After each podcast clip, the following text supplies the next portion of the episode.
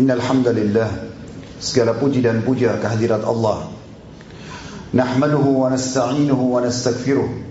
Hanya kepadanya kita memuji, meminta pertolongan serta bertaubat dari dosa-dosa kita.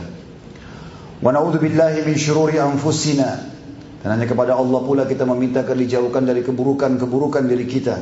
Wa min sayyiati a'malina dan dari segala dosa yang pernah kita lakukan. May yahdihillahu fala mudhillalah Barang siapa yang telah Allah, Allah berikan petunjuk maka tidak akan pernah sesat selamanya. Umay yudlil fala hadiyalah.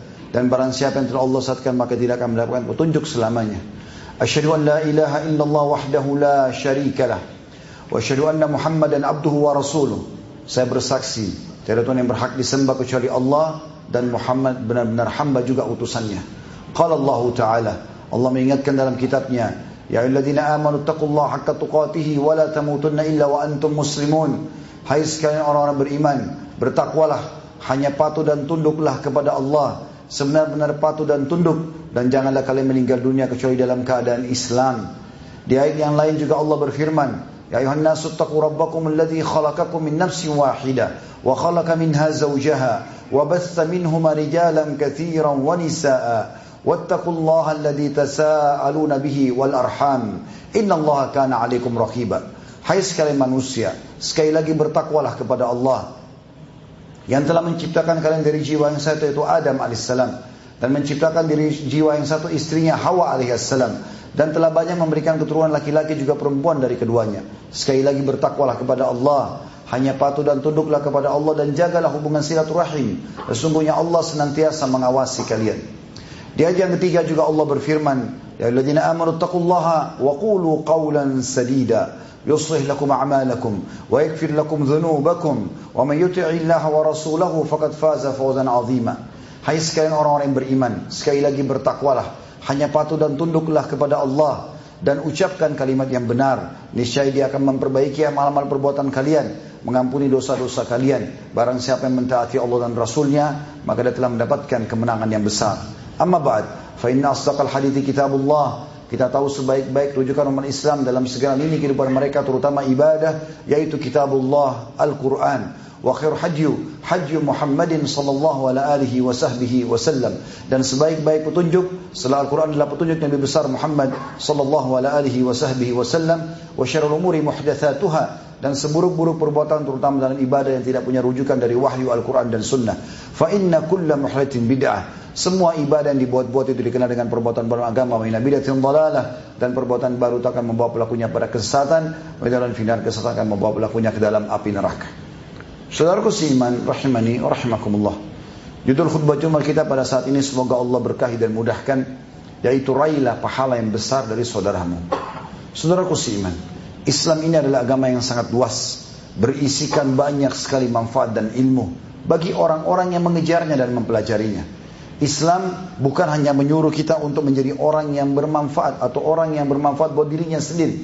Dia beribadah, dia sholat, dia ibadah, dia puasa, haji dan seterusnya. Tapi Islam membuka pintu-pintu peluang mendapatkan pahala bahkan dari orang lain. Dengan misalnya kita sholat daripada sholat sendirian, kita mengajak orang berjamaah, pahalanya lebih besar. Atau kita mengajak orang lain ikut untuk sholat, maka kita juga akan panen pahala sama dengan dia. Kita berpuasa, kita ajak orang lain berpuasa. Nutut ilmu kita ajak orang nutut ilmu. Kita haji mengajak orang untuk haji. Apalagi kalau kita sampai membiayainya. Maka Nabi SAW bersabda dalam sebuah hadis yang sahih. Man dalla ala khairin. Kana lau mithul ajri fa'il. Mengari an yankus min ajri fa'ilihi syai'a.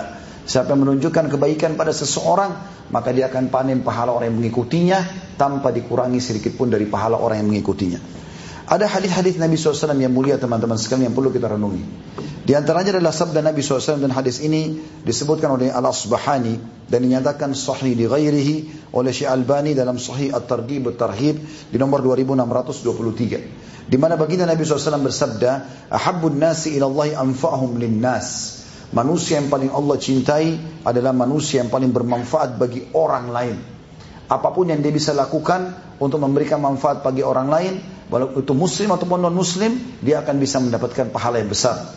Bahkan sampai pada tingkat pelanggaran orang pun di depan mata kita bisa menjadi ajang pahala dengan cara kita menasihatinya, kita meluruskan kesalahannya, atau kalau dia berbuat baik pun kita bisa raih pahala dengan memberikan dukungan. Kata Nabi SAW selanjutnya wa habbul a'mali ila Allah azza wa surur tudkhiluhu ala, muslim. Dan amal yang paling Allah cintai adalah engkau memasukkan rasa gembira di dalam hati seorang muslim. Tanamkan itu teman-teman sekalian. Buat saudara kita muslim bergembira, tersenyum, keluar dari permasalahan sedang dihadapi, dari sumpeknya, dari sedihnya, permasalahan rumah tangganya, permasalahan utangnya dan segala macam hal. Karena Nabi SAW juga melanjutkan mengatakan, takshifu anhu qurbah. Dengan cara misalnya, engkau mengeluarkan dia dari permasalahan yang sedang dia hadapi. Au taqdi anhu daina. Atau engkau melunasi utang-utangnya. Au tatrudu anhu ju'a atau engkau menghilangkan rasa laparnya wala an amshi ma akhi fi haja ahabbu ilayya min an aktafi aktaki attakifa fi hadzal masjid yakni masjid Madinah syahra dan kata Nabi SAW, ketahuilah aku memenuhi satu hajat saudaraku muslim, lebih aku cintai daripada aku beriktikaf di masjid ini. Maksudnya dalam masjid Nabawi. Dan ini sebuah hal yang luar biasa. Kita bisa bayangkan teman-teman kalau kita iktikaf di masjid Nabawi. Itikaf artinya mengikat diri selama 24 jam di masjid. Ya tidurnya, ya makannya, dan semua waktu lima sholat akan on time. Sholat-sholat sunnah semuanya akan dikerjakan. Karena waktu lowong pada saat itikaf di masjid. Ya duhanya, ya sholat qabliyah dan ba'diyah, ya sholat malamnya, dan seterusnya. Dan sebagaimana kita sudah tahu bagi teman-teman yang biasa itikaf di 10 tahun Ramadan, mereka akan padat dengan ibadah. Dan memang dipastikan mereka akan padat dengan ibadah kalau itikaf di masjid. Tambah lagi, itikaf itu dikerjakan di Masjid Nabawi. Sementara Nabi SAW mengatakan sholat di masjidku ini seperti seribu dibandingkan tempat lain. Artinya kita mendapatkan seperti itikaf di masjid Nabawi. Dan itu pahalanya dilipat gandakan seribu kali lipat di sholatnya. Lalu Nabi SAW mengatakan syahra selama sebulan penuh. Saudaraku seiman di sini bagi anda sebagai seorang suami. Pernah gak anda berpikir bahwasanya kita setiap hari memenuhi hajat istri kita? Bukan kita siapkan makannya, minumnya, pakaiannya, juga anak-anak, naungan rumahnya. Itu jangan pernah dianggap remeh. Itu pahalanya sangat besar. Dan istri adalah saudara muslim yang paling layak untuk dinaungi. Begitu juga dengan anak, begitu juga dengan orang tua, begitu juga dengan kerabat, begitu juga dengan orang-orang yang ada di sekitar kita. Siapa pun yang bisa kita berikan manfaat kepada mereka, maka akan seperti ini hasilnya. Satu hajat, tunjukkan alamat, temani ke pasar, apa saja sudah cukup untuk membuat kita seperti etikaf selama sebulan di Masjid Nabawi. Dan kata Nabi SAW, وَمَنْ كَظَمَ غَيْرَهُ Lanjutan hadisnya. Dan siapa yang bisa menahan emosinya. Ghair, kata ulama hadis adalah emosi yang didasari dengan kebenaran. Dia benar, dia bisa balas. Tapi dia nggak mau. Dia tahan emosi itu. Karena Allah subhanahu wa ta'ala. Walau sya'an yumdihu amdah. Kalau dia mau balas, dia bisa balas. Dia bisa lakukan hukuman itu. Mala Allahu qalbahu yaumal kiamat ridha. Allah akan penuhi hatinya pada hari kiamat dengan keridoan. Kata ulama hadis, Allah akan berikan dia pahala yang membuat sampai dia puas sekali pada hari kiamat. Hanya karena tidak membalas kejahatan orang dengan kejahatan. Masya ma akhihi fi hajatin hatta yaqdiyaha lah, thabbata Allahu kadamaihi yawma tazulul aqdam. Dan barang siapa yang memenuhi hajat satu saudaranya muslim, maka Allah akan kokohkan kakinya nanti pada hari kiamat, di mana pada hari itu kaki-kaki orang, tentu tergoncang. Dalam arti kata akan terancam dengan hukuman-hukuman.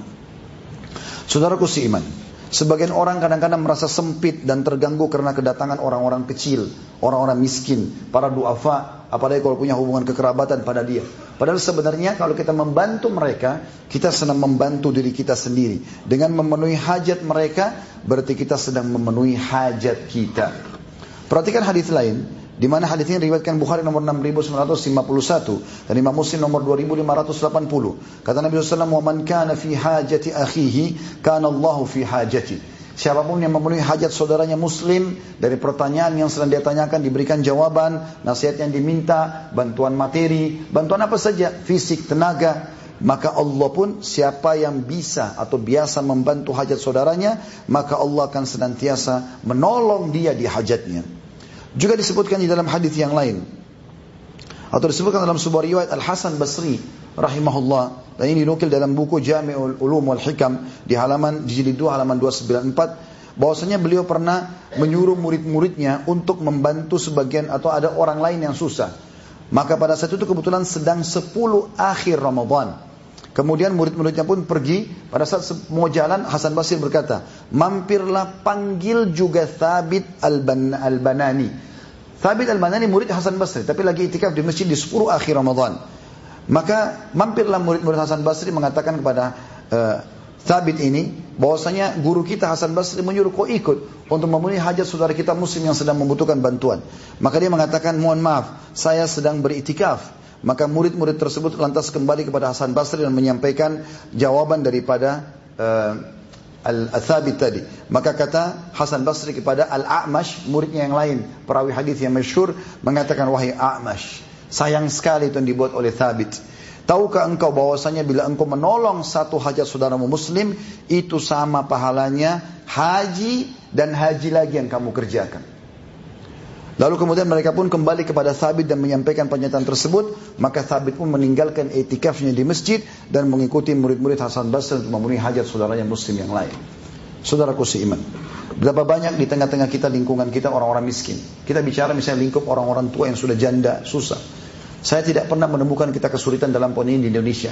Karena hampir di setiap gang kita, ini bahasa saya tentu tanda kutip di sini, adalah menandakan karena banyaknya, banyak sekali janda-janda yang tidak tidak mampu, sudah tua. Bahkan kadang-kadang dulu di pinggir jalan, saya pernah lihat ibu-ibu itu dengan pakaian kotor, badannya pun kotor, mukanya sudah keriput dengan pegang anak, tidur di pinggir jalan. Masih saja ada motor dan mobil lewat tanpa memberikan bantuan kepada mereka. Mana kita teman-teman dari hadis Nabi sallallahu alaihi wasallam? Hadis ini hadis sahih riwayat Bukhari Muslim. As-sa'i 'alal armala wal mis wal miskin kal mujahidu fi sabilillah wa ahsabuhu qal wa kal qa'imi la yafturu wa kal qa'i wa qas-sa'imi la yuftir. Saya ulangi. Wa kal qa'imi la yuftir la yaftur wa kal sa'imi la yuftir. Orang yang berusaha membantu janda-janda, orang-orang susah, miskin, adalah seperti pahalanya mujahid di jalan Allah. Seperti ya kata perawi hadisnya seakan-akan juga Nabi menambahkan mengatakan seperti orang yang sholat malam terus menerus non-stop seumur hidupnya dan seperti orang yang berpuasa setiap hari non-stop selama hidupnya. Hanya memenuhi hajat satu orang janda yang susah ataupun memenuhi satu orang yang miskin di pinggir jalan sana. Saudaraku seiman, investasi yang sebenarnya bukan di sebuah perusahaan besar, itu cuma investasi secara lisan dan hitung-hitungan matematika orang dalam ekonomi. Investasi dalam agama kita adalah mencari orang-orang miskin dan letakkan harta anda di sana. Dan itu berarti sama dengan anda meletakkan harta anda di langit. Dan ini yang dikatakan oleh Ibnu Mas'ud anhu. Siapa di antara kalian yang bisa meletakkan hartanya di langit, maka lakukanlah. Karena harta itu tidak akan pernah dicuri oleh pencuri dan tidak akan pernah dirusak oleh rayap. Artinya dengan sedekah itu akan disimpan di langit di sisi Allah Subhanahu wa taala. Teman-teman sekalian, renungi jihad di jalan Allah. Hal yang sangat berat, sholat malam yang tidak pernah berhenti, puasa yang tidak pernah berbuka, semuanya berpahala besar. Dan itu hanya bisa didapatkan dengan membantu para duafa. Auf, Abdullah bin Abu Auf radhiyallahu anhu berkata, Nabi SAW tidak menolak berjalan bersama janda-janda tua dan orang-orang miskin. Lalu beliau menunaikan hajat keduanya. Hadis sahih diriwayatkan oleh An-Nasai. Abu Bakar juga pernah memerah susu domba untuk masyarakat di sekitar rumahnya. Ketika dia menjadi khalifah, maka seorang wanita yang sudah tua berkata, mungkin sekarang Abu Bakar tidak akan melakukan lagi itu karena dia sudah menjadi raja. Maka Abu Bakar pada saat mendengar mengatakan, sekali-kali tidak. Aku berharap semoga apa yang aku pegang selama ini tidak akan tidak akan merubah apa yang pernah aku lakukan sebelumnya. Betul juga dengan Umar bin Khattab, rutin mencari orang-orang susah di Kingmir Madinah, termasuk pernah menemukan seorang janda yang susah kemudian dia pun memenuhi hajatnya dengan cara memberikan makanannya, membersihkan pakaiannya, dan juga memenuhi segala kebutuhan-kebutuhan yang lainnya. Saudaraku seiman, disebutkan dalam sebuah hadis riwayat Imam Muslim, kata baginda Nabi SAW, Utiyallahu bi abdin min, iba, min ibadihi atahu Allahu mala. Nanti hari kiamat akan datangkan seorang hamba. Ini termasuk salah satu bentuk bantuan kepada seorang muslim. Misal contoh kita lunasi utang dia. Dan salah satu yang boleh kita lakukan adalah mengeluarkan zakat mal kita kepada para gharim. Orang terlilit utang. Jangan pernah anggap remeh masalah ini. Kata Nabi SAW, Utiya utiyallahu bi abdin min ibadi min ibadi atahu Allahu malan faqala lahu madza amilta fid dunya qala wala yaktumuna Allah haditha qala ya rabbi ataitani malak فكنت أبايع الناس وكان من خلق الجواز فكنت أتيسر على الموسر وأنظر المعسر فقال الله أنا أحق بذا منك فتجاوزوا عن عبدي Ketika kelak nanti pada hari kiamat ada seorang hamba yang dihadirkan di hadapan Allah Subhanahu wa taala, ia adalah seorang hamba yang telah Allah berikan kaya raya, harta. Lalu Allah bertanya kepadanya, "Apa yang kau lakukan di dunia?" Padahal tidak ada yang samar bagi Allah, sang pencipta. Allah sangat tahu apa yang terjadi pada hamba ini. Tapi Allah sengaja tanya. Hamba tersebut menjawab, dahulu engkau memberiku harta atau banyak harta. Dan aku adalah seorang pedagang atau eh, pengusaha. Aku mempunyai kebiasaan sering memberi kemudahan pada orang-orang yang mampu melunasi dan menangguhkan utang orang-orang yang kesulitan membayar. Maka Allah berfirman kepadanya, aku lebih berhak memudahkan itu daripadamu. Maka ampunilah dan mudahkanlah hisab hambaku ini. Saudaraku seiman, Termasuk hal yang bisa mendapat menjadikan amal jariah buat kita adalah amal-amal yang kita bantukan pada orang. Apalagi fasilitas yang kita berikan kepada mereka dan masih terus digunakan selama kita atau setelah kita meninggal. Disebutkan dalam sebuah hadis bahwasanya hadis ini tentu diriwayatkan oleh Ibnu Majah dan dihasankan oleh Syekh Albani. Abu Hurairah berkata, bahwasanya Nabi SAW bersabda, Inna mimma yalhaqul mu'minu min amalihi wa hasanati ba'da mauti ilman 'allamahu aw nasharahu wa waladan salihan tarakahu aw mushafan warathahu aw masjidan banahu aw baitan libni sabilin banahu aw nahran ajrahu aw sadaqatun akhrajaha min malihi fi hayatihi wa sihhatihi yalhaquhu min ba'di mautihi di antara amal dan kebaikan yang terus menyusul dan dicatatkan bagi seorang muslim setelah kematiannya adalah yang pertama ilmu yang diajarkannya dan disebarluaskan. Tahu ilmu agama, ajarkan kepada orang dengan ikhlas. Yang kedua, anak soleh yang ditinggalkannya dididik dengan benar anaknya sehingga menjadi seorang alim, orang yang faham agama, hafal Quran, ahli ibadah, akan jadi amal jariah selama anak itu terus beribadah. Yang ketiga, mushaf atau Al-Quran yang dia wariskan. Maksudnya dia beli Al-Quran dibagi-bagi, taruh di masjid, taruh di pesantren, kasih orang-orang supaya dibaca. Yang keempat, masjid yang dibangunnya. Tadi itu adalah Al-Quran. Sekarang masjid yang dibangunnya. Dan ini di Indonesia tidak tidak tidak sulit mencarinya. Hampir semua masjid meletakkan celengan di pinggir jalan. Sayangnya banyak orang hanya melewati saja. Padahal sekali memasukkan di situ, sekecil apa pun kalau anda ikhlas, anda sudah punya istana satu di surga.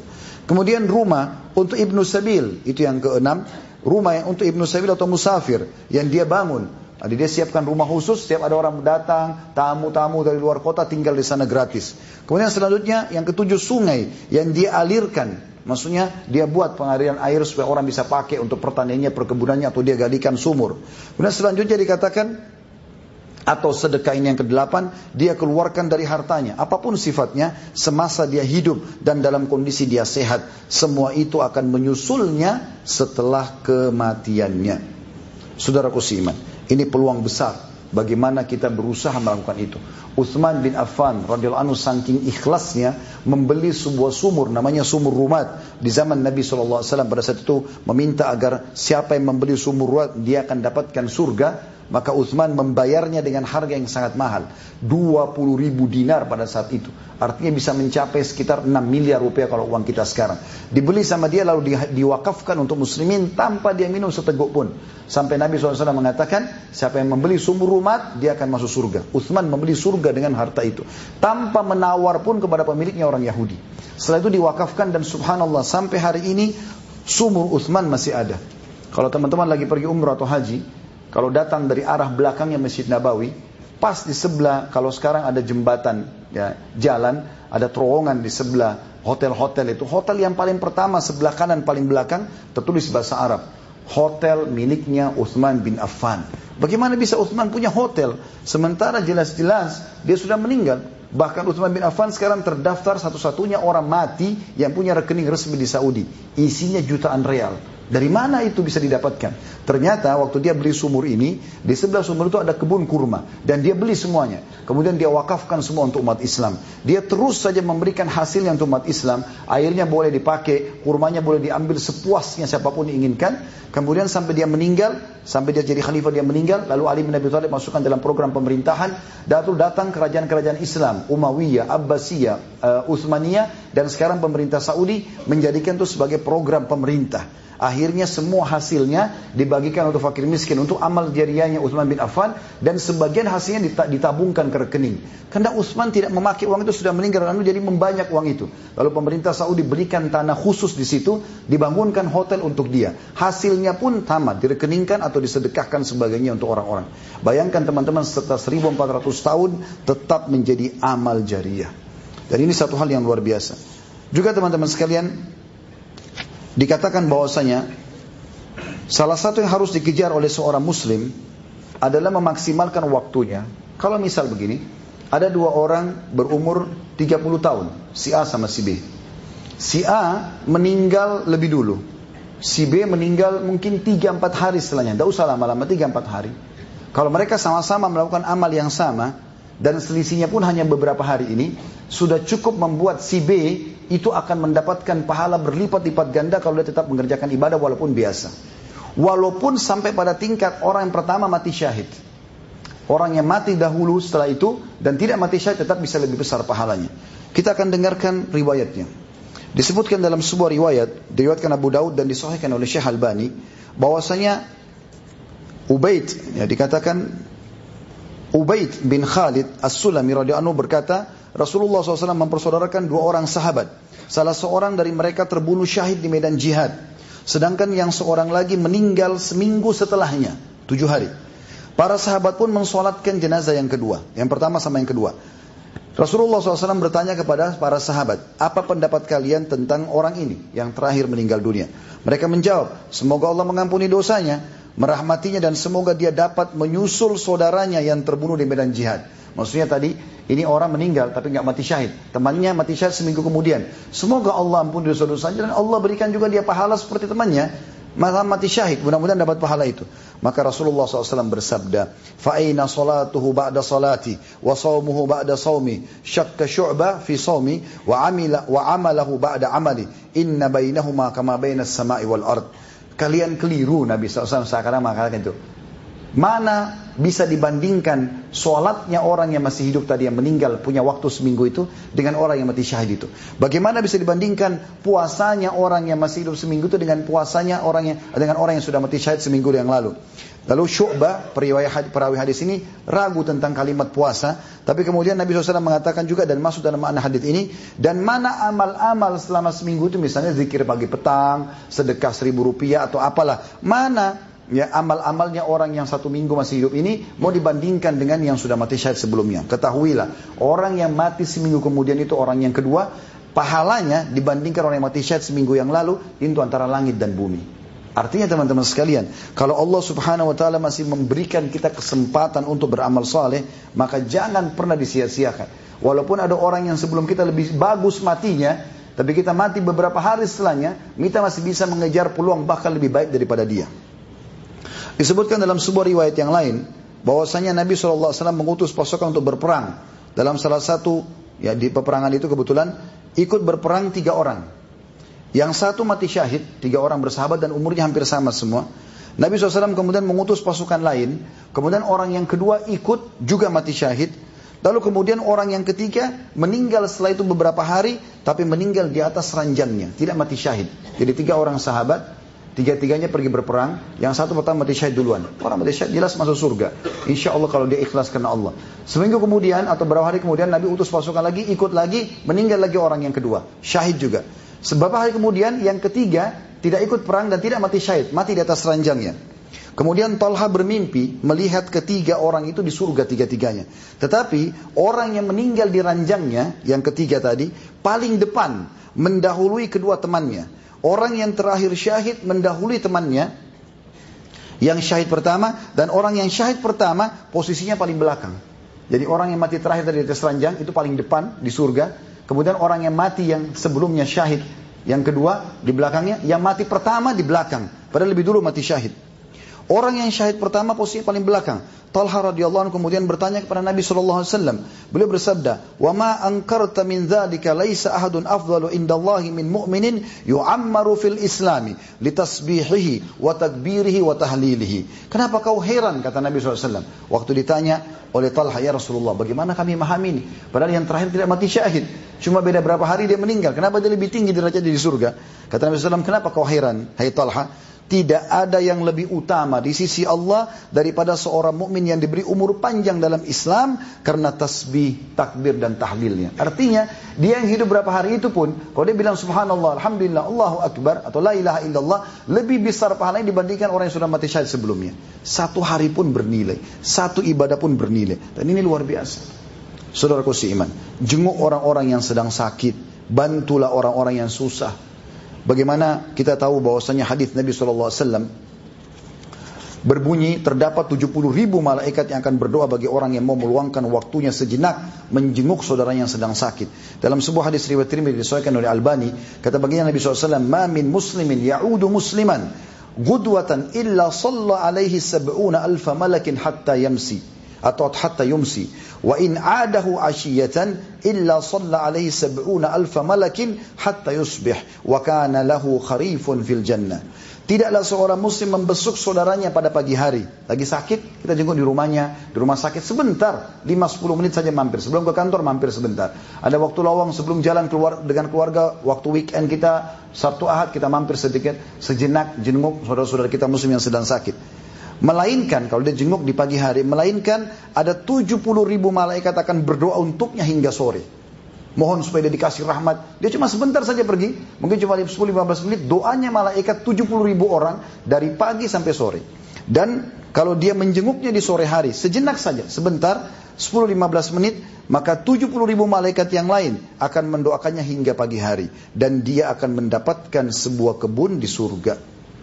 Saudaraku iman, ini hal yang luar biasa. Baik, saya tutup khutbah ini teman-teman sekalian dengan kalau ada ada celah yang lain, mungkin sedikit orang pikirkan masalah ini, yaitu mencintai orang-orang soleh. Kalau ada orang soleh, ahli ibadah, cintai mereka teman-teman sekalian. Buat diri kita supaya loyal dengan mereka. Karena ini orang-orang punya kedudukan di sisi Allah subhanahu wa ta'ala. Ini pernah disebutkan dalam sebuah riwayat dari seorang sahabat yang mulia. Dari Anas radhiyallahu anhu beliau mengatakan, bahwasanya tidak ada sesuatu yang lebih aku gembira dalam menerima hadis Nabi SAW dibandingkan sabda beliau anta ma'an ahbabta. Engkau akan selalu dengan orang yang kau cintai. Maksudnya kalau kita cintai seseorang yang saleh kita akan bersama dengan nanti di surga. Derajatnya di mana kita akan diangkat di situ. Qala Anas maka beliau berkata fa ana uhibbun nabiyya sallallahu alaihi wasallam wa Abu Bakrin wa Umar an akuna ma'ahum bihubbi iyahum wa in lam a'mal bimithli amalihim. Aku mencintai Nabi SAW dan aku pun mengikuti cintaku itu dengan mencintai Abu Bakar, mencintai Umar radhiyallahu anhuma, dua mertua Nabi SAW dan sahabat Nabi yang mulia. Dan aku berharap dengan cintaku pada mereka itu, Nabi SAW, Abu Bakar dan Umar radhiyallahu anhuma, maka aku akan bersama mereka nanti di surga, walaupun amalku belum menyamai mereka. Sekarang masih banyak umat Islam yang tidak faham kedudukan dua sahabat ini. Abu Bakar sama Umar. Cintai beliau. Baca riwayatnya.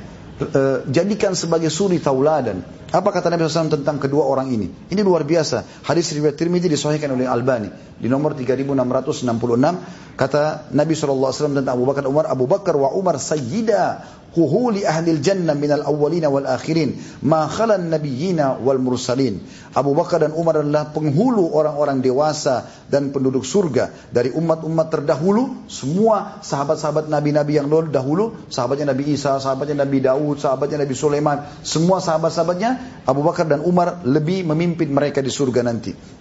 Dari umat-umat terdahulu dan yang akan datang selain para nabi dan rasul.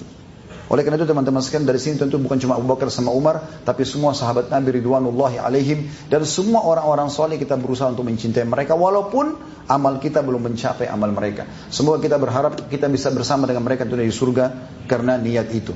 Aku qauli hadza, saya sudah mengucapkan perkataan saya ini wa astaghfirullah li wa lakum dan saya bertaubat beristighfar kepada Allah atas segala kesalahan dan mengajak jemaah istighfar kepada Allah. Fastaghfiruhu innahu wal ghafurur rahim. Beristighfarlah karena dia maha maha maha pengasih dan juga maha menerima taubat hamba-hambanya.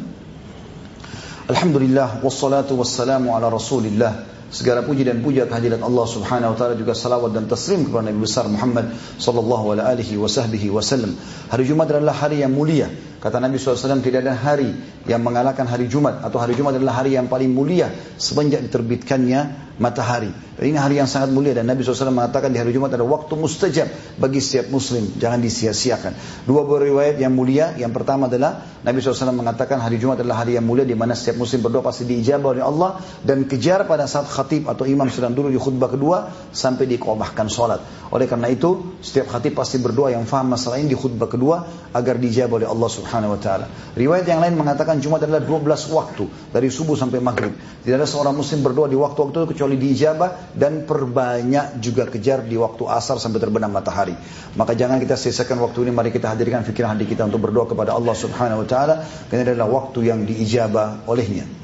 Alhamdulillahirabbil alamin. Kami memujimu ya Allah sebagaimana layak kau dipuji sebagai pencipta. Kami sangat yakin engkau sedang melihat kami karena engkau maha melihat.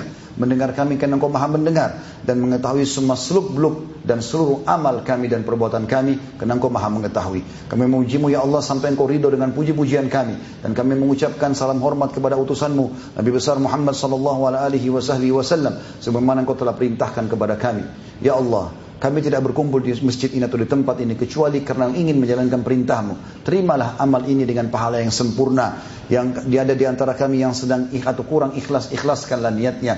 Kalau sudah ikhlas pun diberikan pahala yang sempurna. Ya Allah terimalah seluruh amal yang pernah kami kerjakan. Yang sedang kami kerjakan. Yang akan kami kerjakan sampai menjelang ajal dati dengan pahala yang sempurna. Ya Allah jangan kau tinggalkan satupun dosa kami. Dosa kedua orang tua kami. Seluruh kerabat kami. Bahkan muslimin dan muslimat. Mukminin dan mukminat yang hidup dan juga yang sudah meninggal kecuali engkau maafkan dosa-dosa itu.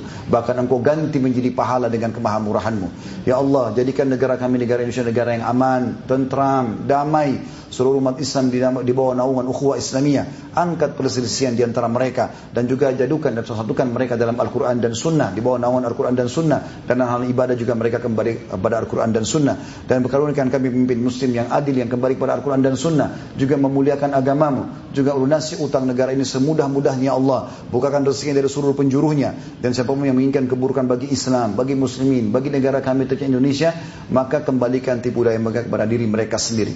Ya Allah tolonglah saudara kami di Palestina, di Syria, di Yaman, di Irak, di Myanmar, di Ahsa, di mana pun mereka berada yang sedang tertindas ikhlaskan niat mereka terima para syuhada mereka mulakan Islam di tangan mereka dan tangan kami semua serta ikut sertakan kami bersama mereka di pahala baik dengan doa dengan harta juga dengan jiwa kami. Dan ya Allah Rabbana atina fid dunya hasanah. Berikanlah kami semua kebaikan di dunia ini wa fil akhirati dan di akhirat juga semua kebaikan. Wa qina adzabannar dan selamatkan kami dari api neraka. Wadkhilnal jannata ma'al abrar. Dan masukkan kami ke dalam surga bersama orang-orang yang patuh. Ya aziz ya ghaffar wahai zat yang maha mulia dan maha pengampun ya rabbal alamin wahai Tuhan yang alam semesta wa sallallahu nabiyana Muhammadin walhamdulillahi rabbil alamin inna Allah ya'muru bil adli wal ihsan Ketahuilah Allah selalu menyuruh kita berbuat baik dan keadilan. Wa yanhanil fahsya'i wal munkari wal bagi.